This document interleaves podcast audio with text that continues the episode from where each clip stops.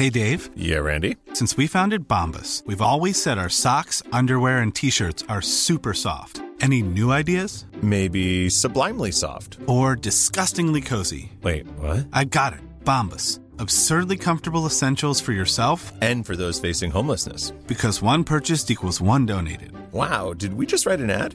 Yes. Bombas. Big comfort for everyone. Go to bombas.com slash ACAST and use code ACAST for 20% off your first purchase. Ryan Reynolds here from Mint Mobile. With the price of just about everything going up during inflation, we thought we'd bring our prices down. So to help us, we brought in a reverse auctioneer, which is apparently a thing. Mint Mobile unlimited premium wireless. Ready to get 30, 30, bit to get 30, bit to get 20, 20, 20, bit to get 20, 20, bit to get 15, 15, 15, 15 just 15 bucks a month. So, Give it a try at mintmobile.com slash switch. $45 upfront for three months plus taxes and fees. Promo rate for new customers for limited time. Unlimited more than 40 gigabytes per month. Slows. Full terms at mintmobile.com. Everyone knows therapy is great for solving problems, but getting therapy has its own problems too, like finding the right therapist, fitting into their schedule, and of course, the cost. Well, BetterHelp can solve those problems. It's totally online and built around your schedule. It's surprisingly affordable too. Connect with a credentialed therapist by phone, video, or online chat, all from the comfort of your home. Visit betterhelp.com to learn more and save 10% on your first month. That's BetterHelp, H E L P.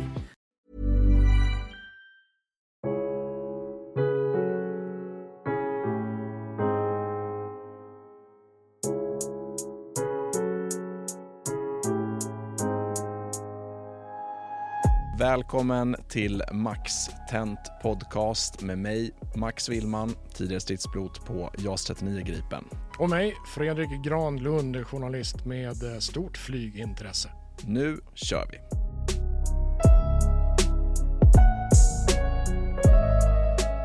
Ja, men välkommen tillbaka till eh, Max Tent eh, med eh, mig, Fredrik Granlund och sen har vi ju då vår, eh, vår expert, Max Willman. Ja, expert. Ja, bra. Men ska, ska vi... Eller hur, hur vill du eh, presentera dig? Det kanske är fel. Nej, men jag, jag brukar ju säga Max Willman, tidigare stridspilot på Mm. JAS 39 Gripen och nu kör vi. Det är väl så jag brukar inleda. Ja, precis. Ja, då gör vi det. Vi ska snacka eh, NATO idag, Mm. har vi tänkt. Eh, den här försvarsalliansen som till 93 procent vill ha med Sverige eh, och där 7 procent inte verkar vilja det. Jag har Det är suttit som, med eh, kalkylatorn och räknat ut. Det var två, två länder av 31. Inom, mm. Gunde Svansson säger det, nära skjuter ingen hare på fortet. Eh, så det, det är väl där vi är nu. Det är väl det. Men och de där siffrorna, det är ju inte egentligen.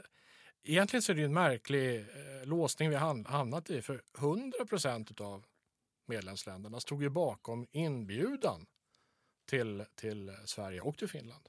Så, det är sen då som då två länder börjat krumbukta sig. Eh, och det är förstås Turkiet och Ungern då. Precis. Eh, och när vi spelar in det här i början av december så är det fortfarande väldigt oklart eh, när de här bägge länderna tänker eh, ratificera avtalen. Mm.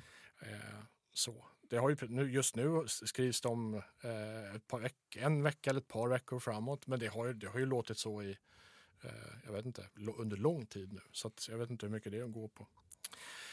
Men eh, vi måste ju också prata om, liksom, om, om NATO-medlemskapet verkligen utgör den säkerhetsgaranti vi är ute efter och, och hur det skulle göra oss säkrare och vilka effekter det skulle få på eh, jag menar, du har varit inne på det handlar inte bara om Försvarsmakten, det handlar om landets säkerhet, våra, alltså medborgarnas kollektiva säkerhet i framtiden. Mm. Ja, men så är liksom. Ja. Eh, vi kan väl nämna bara det, det, det ryska eh, narrativet. Det har vi pratat om tidigare avsnitt. Eh, eh det ryska narrativet säger att Nato är en, en allians skapad för att gå i krig med Ryssland. Eh, det är ju så de, de det är oklart om de verkligen ser det så, men det är så de vill få det att framstå att de ser det i alla fall. Och beroende på vem man frågar i Ryssland så är ju Nato redan i krig med Ryssland då, på, på eh, grund av det som har hänt när Ryssland olagligt invaderade ett grannland, Ukraina.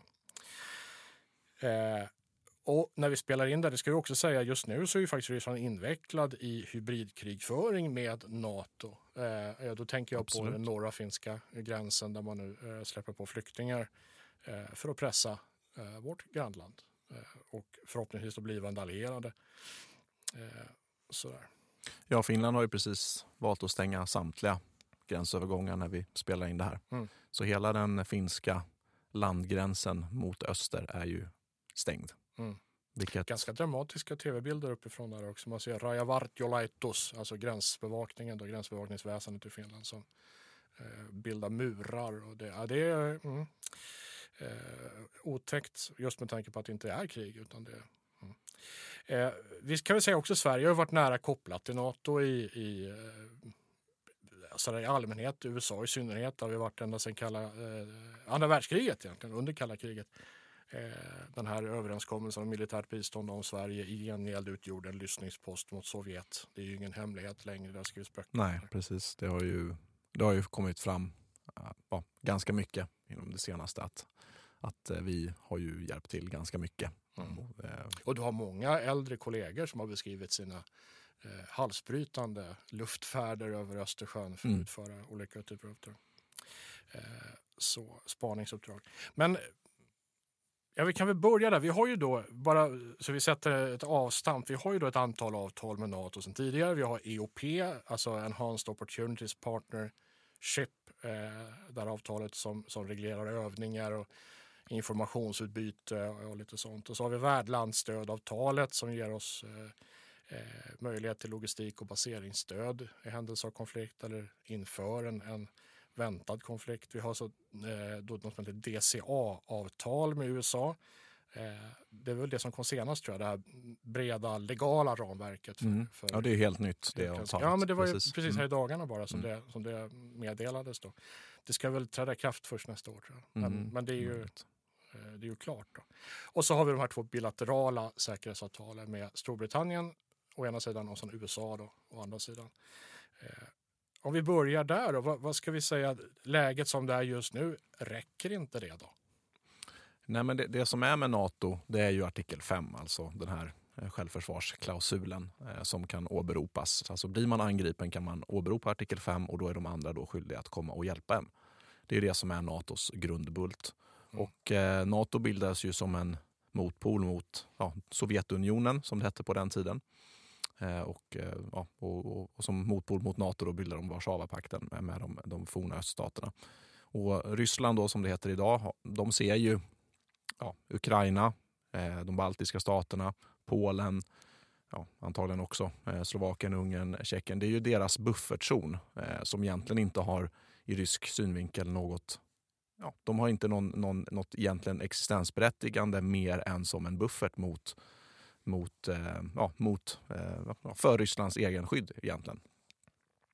Eh, så, så det måste man ha med sig att, att de, de respekterar ju inte de baltiska staterna till exempel som, som självständiga nationer mer än att de finns där som, en, som till för Ryssland.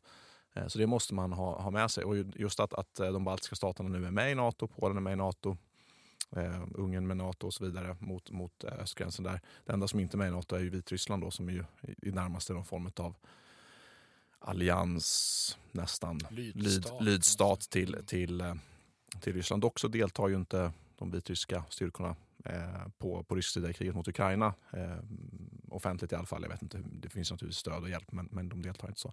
Men, men Ryssland idag ser ju sig som i krig med västvärlden får man ju säga. Mm. Och om man tänker sig, jag, jag gjorde någon, någon, något klipp för, för några månader sedan på, på Youtube-kanalen just om det här med NATO. Vi kan ju tycka vad vi vill i Sverige, men det som är intressant är ju hur vår fiende, för vi har egentligen bara en fiende, och det är Ryssland, hur de ser på oss. Det är ju det som är intressant. Vi kan ju tycka vad vi vill, men om vår fiende ändå ser oss som en del i västvärlden, som en del i NATO, så kan vi tycka vad vi vill. För det enda som spelar roll är vad de tycker. Som sagt, vi har en försvarsmakt för att vi ska sänka risken för krig med oss, för vi vill undvika krig eftersom krig är eh, typiskt sett väldigt dåligt. Och eftersom Ryssland ser oss som i Sverige som en NATO-lydstat, som en väststat som de är i krig med. Eh, dock inte militär konflikt, men det är bara, det är bara en skala för Ryssland. Eftersom de ser oss som en del i NATO så kan vi tycka vad vi vill. Men vi, därför är det bara dumheter att vi inte har NATO artikel 5-skyddet eftersom vår fiende ser oss som del i det. Mm. Men det, din där, fråga... det där kom ju fram väldigt tydligt. eh, Alltså, när, när Sovjet hade fallit samman.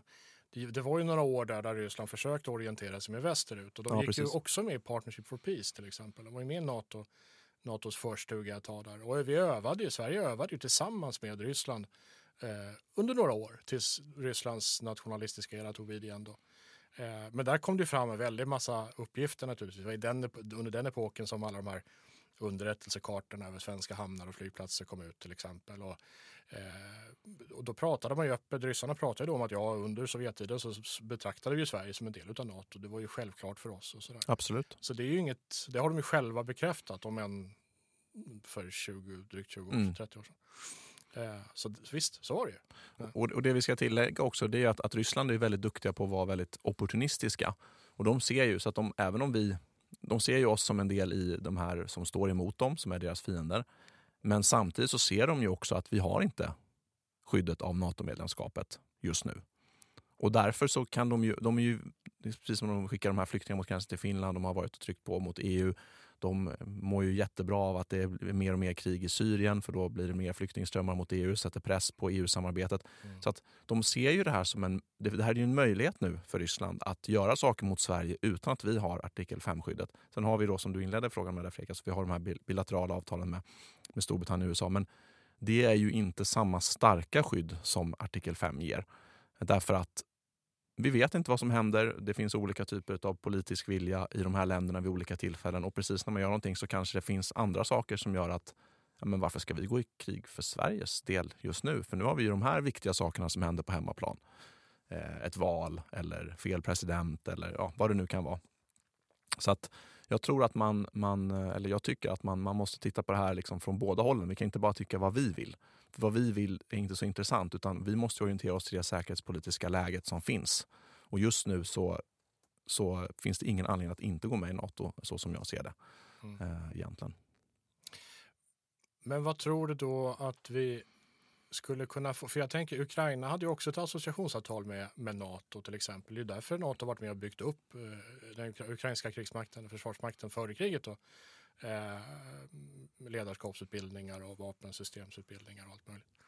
Eh, är vi på samma nivå? Skulle det bli en större konflikt mellan Ryssland och Sverige så ja, vi kan räkna med artilleriammunition och lite Patriot-robotar och sådär. Men det, mer blir det inte.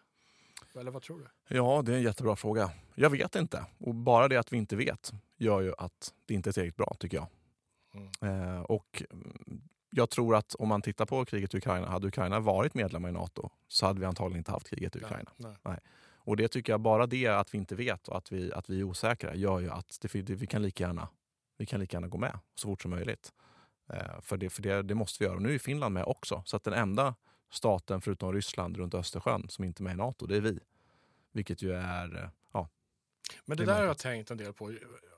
Om man, om man tänker sig att Ryssland skulle vilja skicka en stark signal till Nato utan att för den skull gå i krig med ett, eller invadera ett NATO-land så skulle väl Sverige vara ett ganska praktiskt eh, statuerande exempel. Liksom. Absolut. Eh, angrip flygplatsen på, på Gotland eller, så, eller i Visby eller något sånt där och visa eh, för omvärlden var den ryska pinnen ska Ja, liksom. vi pratade ju lite om lite kärnvapen avslutade vi ett avsnitt med här med det här Fråga mig avsnittet där mm. i, i moll då, eller vad man ska kalla den avslutningen. Men det är ju lite så att krig är ju en glidande skala också. Det. Vi har ju, det finns ju saker upp till militärkonflikt. Men militärkonflikt är också en glidande skala. Som sagt, man ockuperade Krim, man invaderade Donbass först med så att säga frivilliga, som man kallar det. Sen så reguljära styrkor och sen så fullständig eh, invasion. Det, är ju liksom, det finns ju olika skalor här. Om man tänker Sverige då, så det kanske inte är så att det första som händer är att det kommer eh, stora pansarlinjer eh, ner i Norrland och stora landstigningar och luftlandsättningar med massor med soldater i hela Sverige. Utan det kanske är så att man, man eh, skjuter lite kryssningsrobotar på våra kärnkraftverk. Eller, alltså det finns ju många saker man kan göra utan att, att det är liksom en fullständig invasion. Mm. Och det är ju saker som skulle påverka Sverige väldigt, väldigt negativt såklart. Eh, och ja, låt oss säga då att man, man, man kanske tar Gotland eller man, man bombar Stockholm eller man, man gör någonting som inte är en fullskalig invasion. Vad, ja, vad gör vi då? då? Alltså, vad kommer då? Ja, då kanske USA kommer att basera någonting. Men, men det, det finns ju liksom många olika saker även under fullskalig eh, invasion som vi måste inse är direkt skadliga för oss, som vi också vill försöka undvika såklart.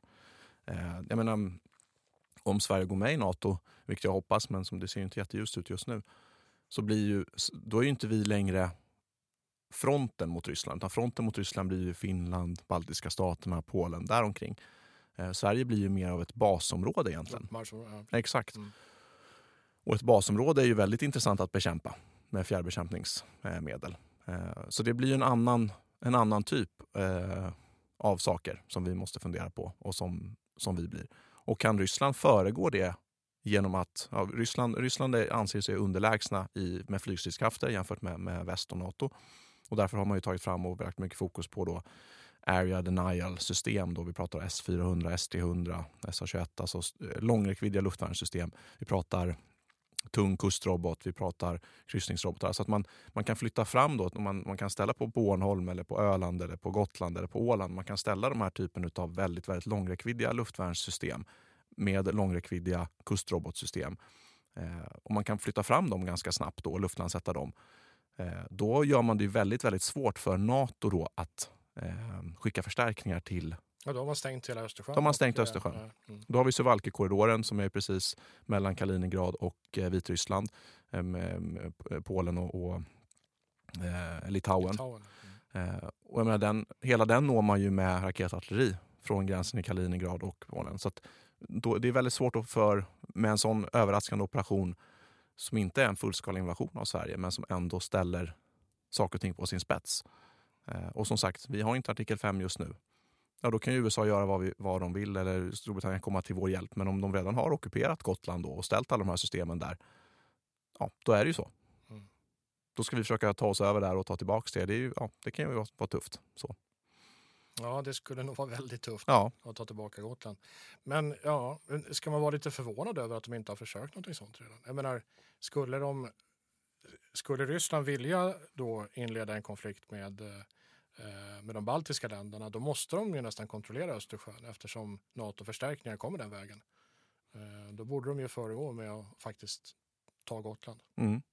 Alltså hade jag, var, hade jag varit den ryska, ryska generalstaben och velat göra en invasion av, av de baltiska staterna, då hade jag ju jättegärna ställt den här typen av system på, på Bornholm, på Gotland, på, på Åland. Eh, och Kaliningrad, nu har man ju börjat flytta faktiskt sådana här system från Kaliningrad till Ukraina för att det har gått dåligt på sina håll där. Men annars är Kaliningrad har ju varit det området, alltså enklaven Kaliningrad som är ju eh, gamla Ostpreussen, eh, halva Ostpreussen eh, på gränsen till Polen. Ja, precis. Ehm, där har man ju haft den mest tunga koncentrationen av den här typen av långräckviddiga luftvärnssystem, Skanderrobotar och, och tung kustrobot, just för att man vill skydda den enklaven och därför att man når ju långt in över Östersjön, baltiska staterna, Polen med de här systemen. Eh, och ja, avreglar kan man säga de baltiska staterna. Mm. Och det är därför, um, man kan gå hur långt man vill, men det är därför NATO har den här enhanced forward presence i baltiska staterna. Det vill säga att man har flyttat fram markförband till de baltiska staterna som är stående, som roterar där, som alltid är där. Just för att det ska finnas västerländska styrkor i de baltiska staterna. Så att om Ryssland invaderar så måste de slå och döda andra västerländska länders soldater. Ja, det. Eh, det är inte så att en bataljon eller en brigad eh, i baltiska staterna kommer stoppa en rysk markinvasion om Ryssland bestämmer sig för det. Nu är de ju så att säga i Ukraina, men, men eh, ja, det är ju mycket därför. Mm. Just, det. Ja, just nu ja. Mm. Precis. Vi vet ju ingenting om hur läget ser ut om fem år eller tio år. Nej, men och, och det är ju någonting som också man måste ta med sig att det är klart att på kort sikt så har ju Ryssland förlorat väldigt mycket av sin hårdvara på framförallt för sina markförband. Eh, en del naturligtvis luftförband och, och sjöförband, men, men det är framförallt markförbanden som har eh, lite. Men, men på medellång sikt, alltså på ett par års sikt, så har man ju ställt om till krigsekonomi. Man har lärt sig massor i Ukraina. Man har köpt in massor nya system. Drönare pratade vi om i ett tidigare avsnitt. Så att på medellång sikt så blir de ju starkare utav konflikten i Ukraina. Eh, de får en officerskader som har varit i strid. Ja, allt det där. Mm. Och de blir av med en massa gammal material som inte funkar. Och, Precis. eh, Och, och, eh, vi har sett T55 i Ukraina. Mm. Eh, inte bara T62, T64 utan också T55. Eh, ja, precis. Eh, så är det ju. Förmodligen så tänker de ju om också. Det var ju, jag tänkte när, när invasionen inleddes var ju väldigt mycket rysk material som man såg var helt... Ja, det funkade inte helt enkelt. Trasiga däck som fick punktering direkt och sånt där. Mm. Det, det är ju sånt som de gissningsvis åtgärdar. Eh, till Absolut. Nästa, till nästa konflikt. Ja, precis. Eh, då har vi, vi måste komma in på det, Turkiet och, och Ungern då. Eh, vi, läste, vi kunde läsa i, i, eh, i media här nyligen att eh, eh Turkiet har eh, eh, tredubblat tror jag, sin export av eh, viktig högteknologi till Ryssland jämfört med före kriget. Eh, Turkiet har alltså blivit, om jag förstår siffrorna rätt och de stämmer, den viktigaste, eh, ska man säga, eh, den viktigaste partnern till, till Ryssland när det gäller att förse eh, eh Ryssland med, med, eh, med kritisk eh, högteknologi. Alltså högteknologi som egentligen omfattas av sanktioner och som inte får exporteras till Ryssland. Det gör Turkiet nu. Borde Turkiet vara en, ett NATO-land till att börja med? Men de, ja, vad tänker Mm. du där? Ja, men där har vi ju den inneboende svagheten när organisationer blir stora. Att det finns många olika viljor. Mm. Eh, och det är än en gång, vi pratade i tidigare avsnitt om det här med att vi i Sverige ibland tappar förmågan att se på saker från andra vinklar. Världen är inte ond och god. Ryssarna anser inte sig själva vara de onda utan, och vi är de goda. Utan de ser det tvärtom. Och det är precis så det är med, med Turkiet eller Ungern för den delen. Att det är länder som ser till sina egna, eh, det, de, det de själva vill, till sina egna intressen först och främst. Och deras intressen är inte detsamma som svenska intressen. Och det måste vi förstå. Det är inte så enkelt som att Ryssland onda, vi goda. Utan Turkiet har ju ambitionen att vara en regional stormakt. Mm. Och Turkiet har en extremt stor armé. De har en större på pappret armé än Israel till exempel. Eh, De har väldigt, väldigt mycket hårdvara, de har väldigt, väldigt mycket soldater, eh, värnpliktiga och eh, en, väldigt, en nation som är väldigt stolt, som har liksom en, en historia av självständighet. De har en president då, Erdogan, som ju naturligtvis vill hålla kvar makten och som anspelar på det här mycket. Mm. De tittar ju på väst och ser, titta här på alla ja, moral degeneracy som de säger. Alltså de, de har ju, plockar ju sina, ja, med sin muslimska vad ska vi säga, världsbild och sin egen världsbild och har aspirationer eh, och vill göra saker. Och nu så, de är med i Nato för de, eh, de gick med eh, tidigt. För de har ju alltid sett, de har ju varit i krig med Ryssland många gånger i världshistorien. Men nu ser de ju en möjlighet att, eh, och de har ju varit involverade i kriget i Syrien till exempel och testat där. De håller på att bygga upp en flygindustri. De har ju sålt Bayraktar-drönarna som var ju väldigt populära i början av kriget då innan Ryssland kom på att de hade luftvärn. Ehm, de, de har ju sålts jättemycket. De är nere i Afrika. Så Turkiet håller på att använda det här som ett sätt att exportera sina grejer. Få sina grejer testade i strid och sen så sälja saker till resten av världen. Sälja saker till Ryssland. Ryssland kan inte köpa av väst, då köper de av, av Turkiet. Då. Så att, eh, det är klart att, det är klart att man, man måste ha förmåga att se saker och ting från andra personer, andra länders perspektiv. Vad har de för incitament? Vad har de för eh, övertygelser? Vad drivs de av? Vad vill de uppnå? Och det är inte samma, de vill inte samma saker som vi i Sverige. Vi i Sverige Men vad är innebär det de i praktiken då? Hur ska vi förhålla oss till Turkiet i, i NATO-frågan? Vad ska vi göra annorlunda? Ja, det är en jättebra I'm Sandra, and I'm just the professional your small business was looking for. But you didn't hire me because you didn't use LinkedIn jobs. LinkedIn has professionals you can't find anywhere else, including those who aren't actively looking for a new job but might be open to the perfect role, like me. In a given month, over 70% of LinkedIn users don't visit other leading job sites. So if you're not looking on LinkedIn, you'll miss out on great candidates like Sandra. Start hiring professionals like a professional. Post your free job on linkedin.com/people today. Everyone knows therapy is great for solving problems, but getting therapy has its own problems too, like finding the right therapist, fitting into their schedule, and of course, the cost. Well, BetterHelp can solve those problems. It's totally online and built around your schedule. It's surprisingly affordable too.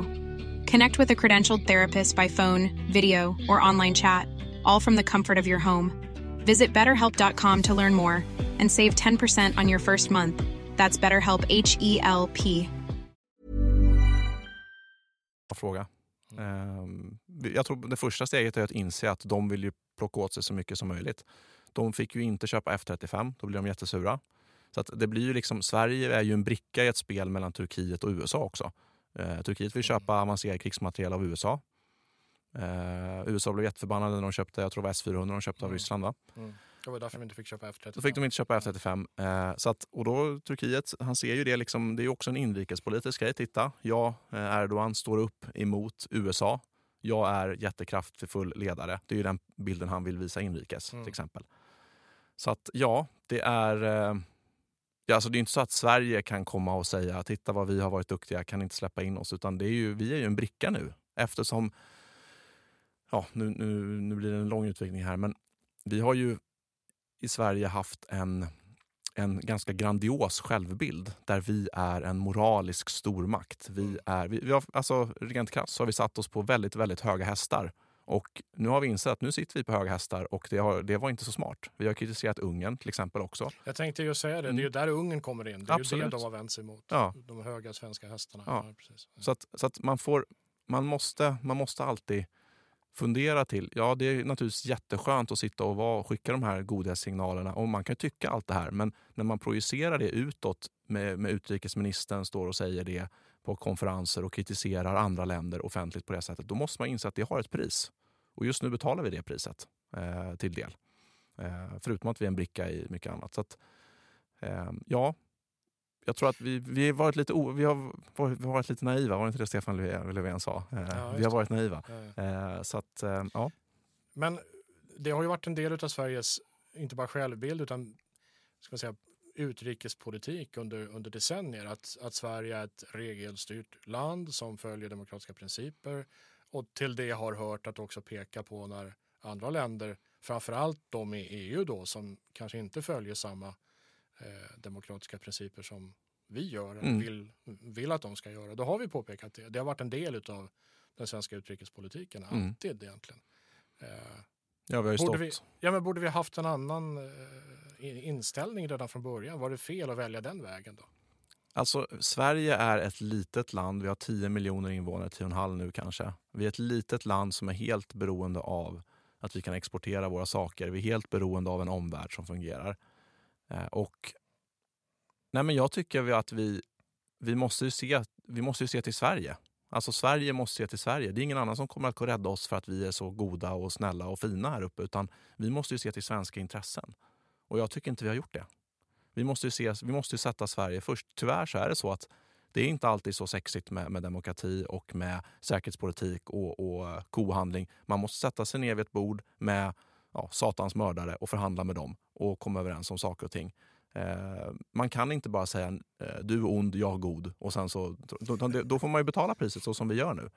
Så att jag tror att vi måste inse var vi är, vi måste inse vår plats och att vi kan inte Eh, Ja, motargumentet är ju ja, men vi ska leda, vi ska, vi ska le- visa, liksom, vi, vi ska vara Nordstjärnan som andra kan rikta in sig på. Men eh, om vi gör det så får vi betala priset också. Och eh, ja, Men jag tänker att det där har ju, jag menar, utrikespolitiken dikteras av politiken naturligtvis, men också av vad näringslivet vill, antar jag.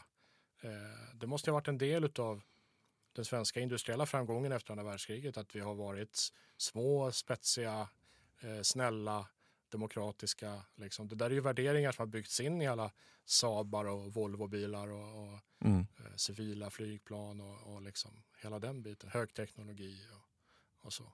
Ja, Palme stod ju och kritiserade eh, USAs eh, involvering i Vietnamkriget där på 70-talet. Ja. Eh, samtidigt som ja, um, man, offentligt så är man väldigt så godhetssignalerande och sen så under, under bordet sitter man och förhandlar med, med dem. Så att det, ja, jag vet inte. Det är, eh, nej men det är klart att det är inte det är inte lätt. Men det är klart att vi, vi har ju vi har ju levt på den här neutraliteten och att vi är goda. Vi, men, men där är vi ju inte längre. Vi, vi har ju lämnat det nu och då måste vi ju kanske se på världen, tycker jag, lite mer nyktert.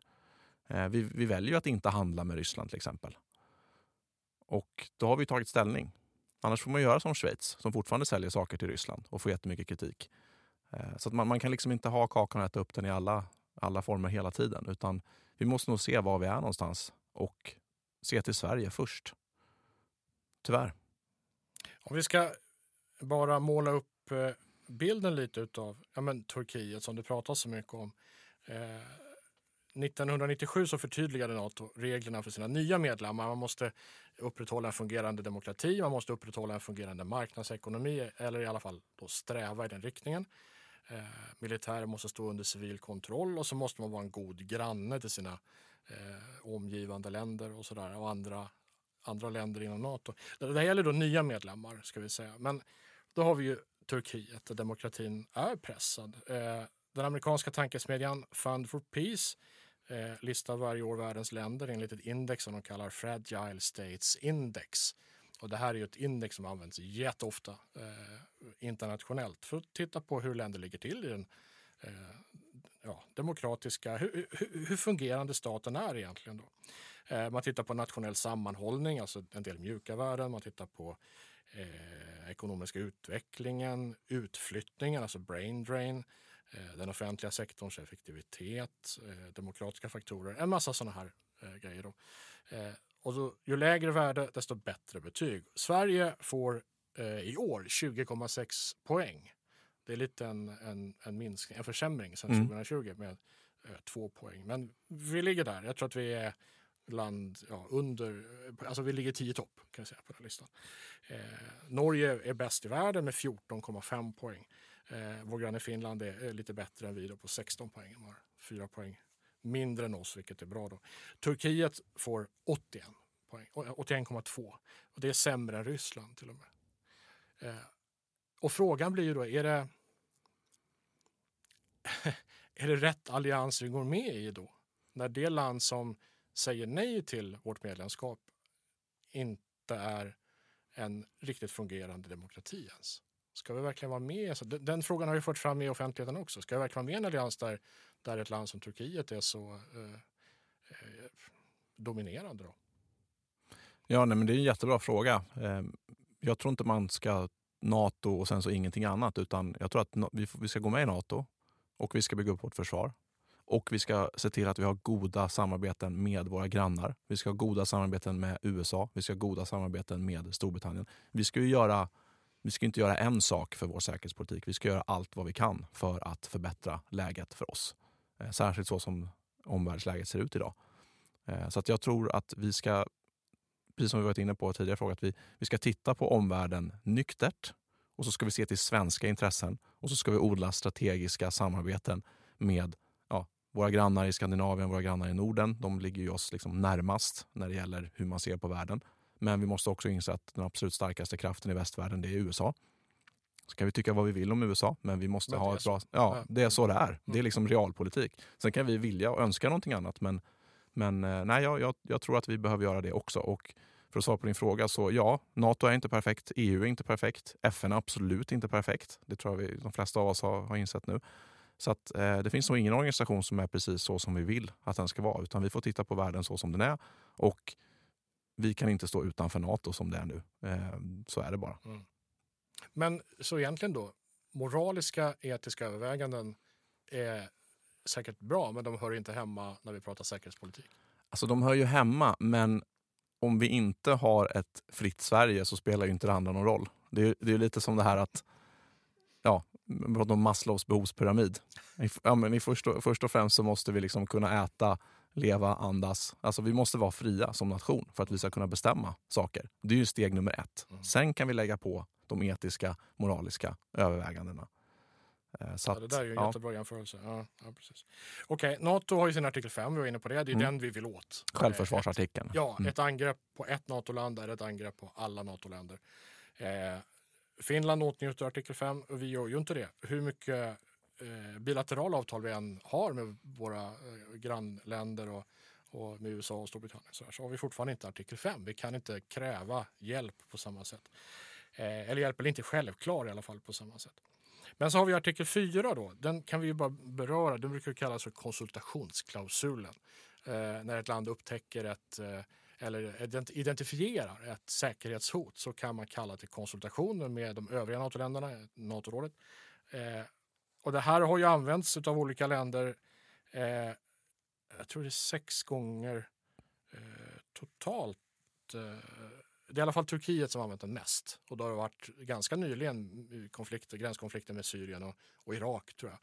Eh, och varje sån konsultation från Turkiet, eller alla utom en tror jag, har lett till en NATO-operation. Eh, där då NATO går in och tar ansvar för till exempel flygpatrullering längs gränsen mot Syrien och sådär. Eh, hur viktig är den här, klausul, den här fjärde klausulen för, för Sverige? Då, tror du?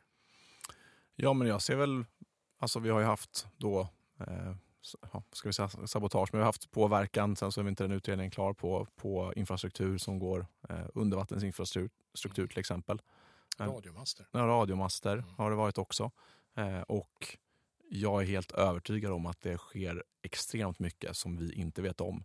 Eh, som ju MUST tittar på, Säpo tittar på och så vidare. Eh, och då och då så sker det ju eh, så att säga, insatser eller operationer även nationellt i Försvarsmakten där vi gör olika saker och där man kan väl ana att det, jag har liksom ingen inblick i, i det längre, mm. men där man kan ana att det, det kanske är olika typer av underrättelser som ligger bakom att man gör saker. Eh, man skickar, om inte annat, man vill skicka strategisk kommunikation. Så jag tror säkert att det finns många tillfällen då man hade kunnat använda den eh, också. Mm. Men, men eh, rent generellt när det gäller Nato som organisation så finns det också någonting som heter alltså NATO Secret. Alltså man, man, har, man delar underrättelser med varandra. Och det är klart att vi kan säkert hitta samarbetsavtal med olika länder som gör att vi får ta del av underrättelser. Jag menar, titta på Ukraina nu, hur mycket signalspaning som flyger runt där från, från västvärlden och som ju säkert, antar jag, delas med dem. Så att jag menar, varje sak vi kan göra som underlättar och förbättrar vårt säkerhetspolitiska läge ska vi försöka ta. Eh, och jag tror det är jättebra att vi nu får till det här avtalet med USA så att de kan förhandslagra materiel i Sverige. För att Ja, men titta, titta på andra världskriget då igen. Eh, historien pratar man om ibland, att man kan gå tillbaka och titta på och lära sig. USA gick ju inte med andra världskriget förrän de blev angripna i Pearl Harbor. Mm. Eh, och kan vi se till att det finns amerikansk materiel på svenskt territorium som Ryssland måste förstöra innan de går på oss, så kommer ju USA tvingas in i den på vår sida där. Alltså det blir liksom ett, eh, vad säger man, fait accompli på, på franska. Alltså jag, jag, jag, så, så nyktert måste man se på saker och ting.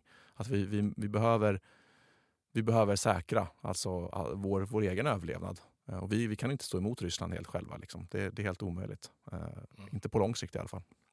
Och den, den totala integrationen i Nato den kan bara bli verklighet när vi är fullvärdiga medlemmar. Ja, ja det, det går ju säkert att liksom ha separata avtal med, med, med våra strategiska partner som är med USA, med Storbritannien, med Tyskland, med de övriga nordiska länderna. Men de andra länderna i Nato har ju valt Nato som sitt främsta säkerhetspolitiska instrument. instrument. Mm. Och om vi står utanför, det är klart att det blir jobbigare i alla fall. Mm. Hur ska vi göra nu då som nation? Ska vi gå och vänta på, ska vi vara extra snälla mot Turkiet och Ungern? Ja, Alltså, det är ju, jag tror att det är så att vi, vi måste ju, det är USA som kommer få lösa det här åt oss. Det är, det är så enkelt och det sker ju extrema underhandsförhandlingar hela tiden här nu. Eh, Men Turkiet har ju, USA har ju varit inblandat i, det har ju framkommit eh, i offentligheten, inblandad i, i, i samtalen mellan Sverige och Turkiet. Det Turkiet är ute efter nu är väl att uppgradera sina F16 tror jag, till ja, nu plockar jag en termer bakhuvudet på, till block 70. De har block 50. Ja, det, det är möjligt. Ja. Något sånt. Ja. Alltså uppgradera befintliga plan i första hand och sen så komplettera med några extra flygplan. Mm. Eh, och det här använder väl USA nu som påtryckningsmetod. Samtidigt som det är lite eh, hit och dit i, i senaten just nu i alla fall. Mm. USA, vilken senator som tycker att det här är en bra idé och inte. Eh, sådär. Men det, det, är väl som du säger, det finns väldigt lite vi kan göra där egentligen. Är det så vi ska förhålla oss då? Vi går och väntar bara? Ja, nej, men det är klart vi måste ju vara aktiva också eh, och, och, göra vad vi kan och det tror jag vi gör. Alltså utrikesministern är väl att prata med dem och, och allting. Men jag tror i det här läget så, så gäller det att vi inte sätter oss på våra höga hästar och godhetssignalerar i alla fall och liksom gjuter. Ja, men vi hade koranbränningar, eh, vi har partier som går ut och eh, tar olika typer av tillfällen i akt att nypa, eh, nypa olika andra grupper och på, på, så sätt få sin egen agenda synlig och klick eh, i media. Liksom. Och ja, jag, jag hoppas ju att, att, att, att, eh, att andra organisationer, men det, det, så har det inte visat sig, men att de kan ta det lite lugnt. Besinna sig. Besinna sig, ja. exakt. Och, men, men, ja. ja. och det här är nackdelen med det, jag, tänker, alltså, jag, jag som har jobbat som journalist i vi pratade om det förr i sändningen, 30 år ungefär. Mm. För mig så är yttrandefriheten och YGL, liksom, yttrandefrihetsgrundlagen, är ju det som gör Sverige svenskt på Exakt. något sätt. Vi ska kunna säga vad vi vill om vad som helst, när som helst, till vem vi vill. Eh, och gör vi liksom avkall på det? Ska vi, ska vi skärpa då polislagen eh, och, och göra det möjligt att förbjuda koranbränningar bara för att det kan irritera Turkiet? Eller ska vi vidmakthålla vår yttrandefrihet och tillåta koranbränningar eller bibelbränningar eller bränna vilka, Ja. alltså vilka böcker som helst. Det är ju det som är grejen, att du ska kunna visa vilka, vilka åsikter du vill. Ska vi, hur ska vi resonera där? Mm. Nej, men det är en jättesvår avvägning. Men, men för mig är det solklart att vi måste behålla yttrandefriheten fullt ut. Mm. Eh, Och, eh, och tyvärr, det är ju det som är demokratins baksida, så kommer det att nyttjas av grupper som inte vill Sveriges bästa. I Sverige, utanför Sverige. Och vi ser ju allianser med då så kallade nyttiga idioter och vi ser allians och Ryssland och vi ser allianser mellan olika organisationer som i vissa punkter helt, det blir att det stödjer Rysslands narrativ därför att man vill få ut eh, sin. Och, och man bryr sig kanske inte om att man just i den tillfället spelar då andra intressen i, i händerna därför att man själv ser en uppsida. Eh, ja, det vi pratade om innan med, på tidigare avsnitt, företag som säljer, säljer delar till investerare från, eh, från icke-demokratiska länder som Kina eller, eller Ryssland. Eller, alltså så så det, är, det är demokratins baksida, men det är som du säger Fredrik, att vi måste ju, har vi inte yttrandefrihet så spelar ju ingenting roll heller. Så att Mm. det, mm, nej men ha en beredskap på att det kommer att utnyttjas. Eh, efter andra världskriget så diskuterade, det här är ju en, en teoretisk diskussion förstås, men efter andra världskriget så diskuterar man ett tag en nordisk försvarsunion. Mm. Eh, sen så bildades ju NATO. Norge är ju en av de grundande medlemmarna i NATO ska vi komma ihåg. Eh, och när, när Norge då direkt var med och grundade NATO då föll ju den idén. Men om vi, om vi bara låtsas att det inte hade varit så, hade det varit en fungerande modell tror du? Att de nordiska länderna, Finland, Sverige, Danmark, Norge, kanske Island då, hade, hade bildat en försvarsunion istället? För det hade väl varit det hade i alla fall ideologiskt stått närmare oss då och förmodligen nu också. Hade det räckt tror du? Eller? Ja, alltså det blir som du säger, det blir en hypotetisk diskussion. Men det är klart att vi, som vi var inne på, alltså vi står ju i Norden, Skandinavien, står vi ju ganska nära varandra i mycket. Men vi har också våra olika inriktningar och våra olika eh, tycken och smak och, eh, och säkerhetspolitiska realiteter ska vi väl också säga. Så att ja, så som det ser ut och har sett ut sedan andra världskriget eh, så vill jag gärna ha med USA på vår sida väldigt, väldigt starkt. Eh, det, så är det bara. Därför att de är, det är storebror som är störst och bäst. Ja, det är svårt att komma runt. Det går liksom inte. Nej. Det är de som är garanten för de är den största ekonomin, de är den största eh, militära makten och de är demokratiska. De har sina problem, precis som vi har i Sverige också. Och de kommer inte alltid tycka som vi gör. Eh, och de har ju också en, en hemmaopinion som ibland, som vissa, vissa krafter vill ju gå helt isolationistiskt, om vi ska kalla det så. Mm. Alltså America first, stanna hemma. Eh, och, och de riktar ju liksom rättmätig kritik också. Det är klart att varje krig så går ju skattebetalarnas pengar från då skattebetalarna till vapenindustrin. Så, det är ju rätt. Mm. Men det kan ju fortfarande vara värt det. Så, Eh, så att kritik, världen är ju sällan väldigt så svart och vit. Som man, man, man vill ju gärna, du, du ond, jag god, den retoriken vill man ju gärna köra. Men det är ju sällan så enkelt. Så att kritik, kritik som riktas åt olika håll kan ju vara helt korrekt men ändå innebära att man ändå fortsätter att göra det. Ehm, så jag hade nog gärna velat ta med USA i vad vi än gör. Ehm. Men, men vi, du, du nämnde det själv, USA, ja, det beror, mycket beror ju på det, det kommande valet och nästa år förstås. Men en kandidat, Trump, Mm. det är inget att hymla med. Eh, han är ju, eh, som jag uppfattar extremt isolationistisk. Eh, han gick ur Parisavtalet. Eh, han har ifrågasatt, det var ju han som tog upp ifrågasättande kring finansieringen av eh, nationella försvar inom NATO. Då. Eh, jag vet inte om han någonsin har nämnt att, att, att USA skulle kunna lämna NATO, men anta ett, att vi har ett USA som kanske eller kanske inte skulle ställa upp på en artikel 5.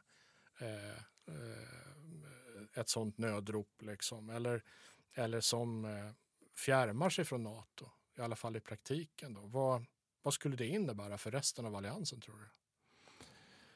Ja, alltså det är ju, hade ju varit katastrofalt om USA hade lämnat NATO eller fjärmat sig från alliansen. Det hade ju varit katastrof. Ehm, men det jag vill lägga till där, det är ju att, precis som vi var inne på förra frågan, alltså den kritiken som Trump riktar mot till exempel att många NATO-länder, väldigt få har ju nått upp till 2 målet. Mm. Alltså man har freeridat då, som han säger, på Amerikas eh, betalning av militär Det har han ju rätt i. Det är sant. Alltså det, det, det, eh, sen kan man ju tycka vad man vill om det, men det är ju rätt. Mm. Det har han ju helt rätt i, Mm. det han säger. Och han har gjort, eh, han hade ju en, en ganska så tuff inriktning mot Kina till exempel. Alltså kinesiska, det är ju det som är lite speciellt att vi låter ju eh, till exempel kinesiska företag operera, operera det är ett amerikanskt översättning, operate, alltså verka på svenska och på in, eh, västerländska demokratiska marknader på lika villkor som vi själva verkar. Men vi kan inte åka till Kina och verka på våra, eh, på våra villkor, utan då, då gäller kinesiska regler. Så att han har varit tuff mot Kina, så att han har ju gjort Alltså han har ju mycket rätt i det han gör också, men han är ju väldigt oberäknelig eh, på det sättet. Och som vi varit inne på innan, man måste inse att människor och stater kommer att se till sig själva först och främst, till sina egna intressen. Alltid. Alltid. Ja. Mm. Eh, man kommer vara olika öppna med det, men det måste man inse. Det är inte du ond, jag god, utan det finns, det finns positiva och negativa aspekter. Men hade, hade USA valt liksom att lämna Nato, vilket jag inte tror, men eh, ens under Trump, bara det att vi sitter och funderar på det skapar en osäkerhet. Eh, så att, ja, Mm. det hade varit katastrofalt. Hur länge ska vi vänta då? På, för jag tänker att all, all den här anpassningen som görs inför ett NATO-medlemskap, den kostar ju pengar. Det måste den göra rimligtvis. Eh, om vi aldrig får ett godkännande från Turkiet och eller Ungern, hur länge ska vi insistera på att vi snart är med?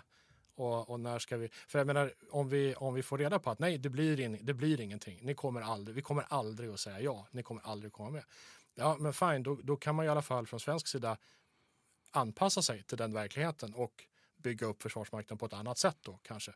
Eh, så hur länge ska vi vänta? Vad är rimligt då? Liksom? När måste vi ha ett svar? Ja, men det är en jättebra fråga. Och om vi, för första så tror jag inte att någon kommer att uttrycka sig så som aldrig. Utan det här är ju, vi är ju en förhandlingsbricka som man använder från Ungerns och Turkiets sida nu för att få så mycket eftergifter som möjligt. Eftersom man ser till sig själv först, såklart, som vi varit inne på. Eh, Men om vi tar till exempel då, vi tar ÖB-råd eh, från 2022. Eh, ÖB gav ju sitt råd till inför politiska beslut då för Försvarsmaktens inriktning. För det är politikerna som beslutar om väldigt mycket i Försvarsmakten. Det är väldigt ner på ganska hög detaljnivå. Mm. ÖB-råd då 2022 jämfört med ÖB-råd som kom nu i början på november. Vi spelade in det här i början på december. Bara en månad sedan. Eh, däremellan då så har vi den här NATO-inriktningen. Så att man kan, man kan jämföra vad ÖB, och alltså ÖB, Försvarsmakten, tycker om vägen framåt för Försvarsmakten innan, när vi inte var med i NATO och nu när vi är på väg in i NATO. Man kan alltså titta på deltat där däremellan och se vad man innebär för skillnader. För det första jag vill säga det är ju att oavsett vad som händer så måste vi rusta upp jättemycket jättesnabbt. Det är liksom steg ett, oavsett med NATO eller inte. Att vi går med i NATO innebär inte att vi kan liksom luta oss tillbaka och nej, sluta. visst, nej. Så det är väl det första. Men om vi tittar på skillnaden där så, så ÖBs förändring går ju från en uppbyggnad av armén till att saker och ting ska bli mer stående. Man vill ha, man fokuserar på två stående brigader i princip istället för ett, ett större antal greppbara brigader lite senare. Därför att man ser framför sig att man behöver rotera till Baltikum till exempel, till Finland och stå vid vår nya gräns som ju inte är i Sverige då utan som är där. Men det kostar ju pengar som gör att man får färre antal, färre, färre numerär sen. Eh, allting är avvägningar där. Eh, han pratar mycket också, eller Försvarsmakten pratar mycket om det här integrated eh, missile defense. Att man ska gå med, integreras i det, alltså luftförsvar. Alltså man blir integrerad på ett annat sätt med NATO och man prioriterar då luftvärnsrobotar till, till Visbykorvetten och sånt. Så att de prioriteringarna har man gjort då, som du är inne på, mot som om vi är med i NATO redan. Eh, och de prioriteringarna hade man ju inte gjort om man inte såg att man var på väg in i NATO. Så att där har vi av, avvägningen. Men det är ju inte några, jag skulle inte säga att det är några dramatiska skillnader för Försvarsmaktens del. Så, eh, innan och efter. Så att, ja, för att svara på din fråga, ja, ing, jag tror aldrig vi kommer få ett det kommer vara nej. Men, men eh, ja, så. Mm. Ja, just det. Ja, men det, är inte, det är helt enkelt inte särskilt dyrt att göra både och här. Både Ja, anpassa det sig blir ju en avvägning. Ja, jo, men det blir ju en avvägning. Men, men sammanfattningsvis så får vi för lite pengar till Försvarsmakten eh, mot vad vi vill för sent. Och upp, upprustningen går för långsamt därför att vi väljer ju att skicka saker till Ukraina, vilket jag tycker är helt rätt. Men det kostar ju på mycket. Personalen går i mångt och mycket på knäna. Det är höga arbetstidsuttag. Eh, som sagt, nu i början på december och jag har sett på, på internet massa ställen. Jag har ingen inblick så, så det är ingenting sekretess så. Men man ser många tecken på att pengarna är slut. Mm. Och, och, det vill vi ju inte se. Nu kommer nya pengar första första, men alltså, ja. Vi eh, sitter ju och pratar om Nato på ett sätt. Hade vi suttit här och gjort den här podden för åtta år sedan så hade det vi pratade om nu varit helt kokobäng. Alltså. Det hade, hade inte haft någon som helst eh, anknytning till verkligheten. Det här är ju, och det visar ju också på, och sen då i, med parallellen då till 2004 års försvarsbeslut när Försvarsmakten i princip la ner och gick hem.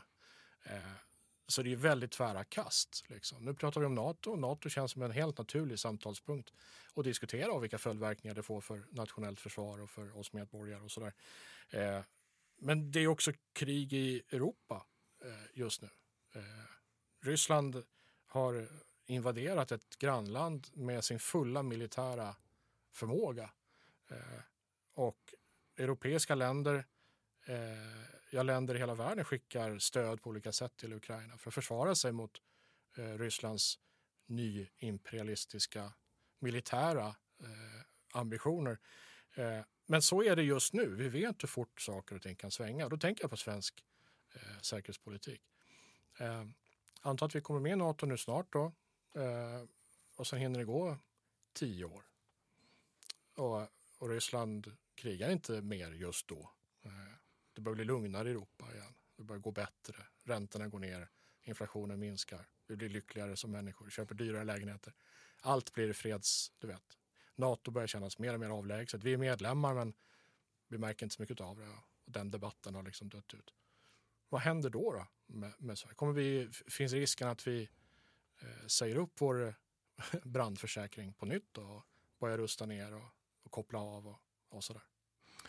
men om man tittar på till exempel Brexit så ser vi att när man väl har gått med i den här typen av stora organisationer så är det väldigt osannolikt att man går ur. Nu gick ju eh, Storbritannien ur, men det satt ju väldigt långt inne och skapade väldigt stora eh, sår i landet. Så, ja, eh, så att Nej men alltså, tittar vi på historien så vi, vi lär oss ju aldrig någonting av historien. Utan vi, när det blir lugnare så rustar vi ner och sen så hamnar vi i efterläge när vi ska rusta upp. Istället för att ha en, en, en eh, mer rimlig nivå över tid.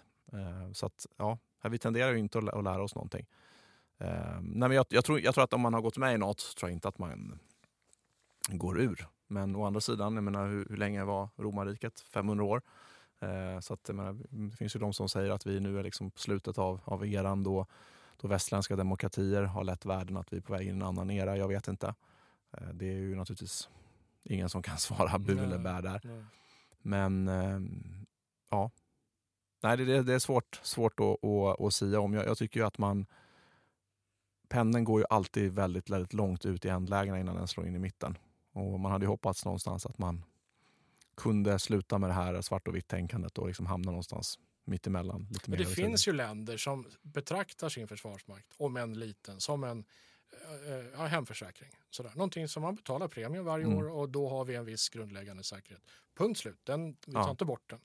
Uh, vi gör inte som Sverige. Schweiz till exempel, litet neutralt land. Mm. De har behållit samma, i stort sett samma försvarsutgifter sen andra världskriget. Mm. Finland har ju varit smarta Finland och inte tagit... Har också, ja. ja visst, ja, visst, ja, visst. Uh, så vad är, den, vad är hemligheten då? Hur, hur får vi Sverige att, att behålla sin hemförsäkring? Och, över tid? Liksom? Mm. Har du några, några tankar där? Ja, men det handlar om någon form av långsiktighet. Vi, som sagt, pendeln, det, det blev ju väldigt intressant för politikerna att skicka ut små svenska flaggor över hela världen där när det var lite lugnare strategisk timeout. Man ville hellre ha en pluton där borta och ett kompani här och där. För de har mm. små svenska flaggor. Man kan gå på sina viktiga möten med sina andra europeiska och omvärldsministrar och, och liksom slå sig för bröstet. Titta, vi är faktiskt där. Så att man, man låter den här kortsiktigheten styra. Eh, och det är ju eh, demokratins, också en av demokratins baksida. Att, att, man, att man luras in i det. Ja, och ja, jag ser inte framför mig någon bred samling kring någon långsiktig inriktning. Vi kan knappt enas om liksom, energiförsörjningen i det här landet heller. Liksom att det är ju, nej, jag, nej jag, jag tror tyvärr att det, det, det kommer vara hattigt framöver också. Så får man försöka hjälpa till. Ja, den här podden är ett sätt. Att vi, Tänkte jag säga ja. det. Då kommer försvarspoddar och Youtube Exakt. Eh, sådär, och, och, kan påverka. Ja, demokratin är ju inte starkare än vad vi i demokratin, medborgarna, bryr oss om. Och, och liksom, det är vi som röstar fram politiker.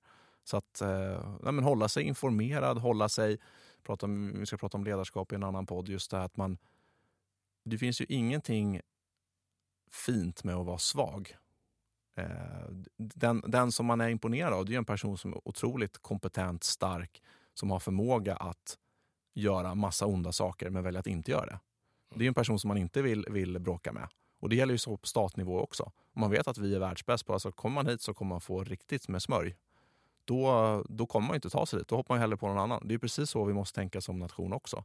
Och allt ifrån eh, enskild individ till som nation. Um, så någonstans börjar det med oss själva, att vi, att vi ser, försöker se långsiktigt, vi försöker intressera oss för olika saker som är viktiga. Och delta i debatten, fundera, ställ kluriga frågor. Det är ju ja, det är bara det vi kan göra. Det är ju demokratins uppsida och baksida. Vilka fina ord. Ja. Jag tycker vi, jag tycker vi Det fick vi till, va? Ja, det gjorde du bra Max. Tack. För. Eh, tack för det här avsnittet. Vi, eh, vi hörs eh, snart igen. Fortsätt lyssna på podden.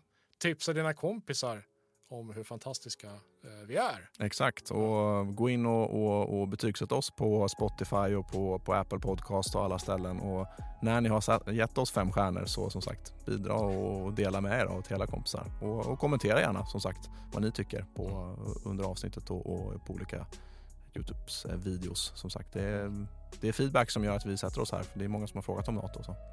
Precis, och exakt, skicka in era frågor så tar vi upp dem eh, i ett, ett kommande avsnitt. Mm. Tack för idag. Tack Fredrik.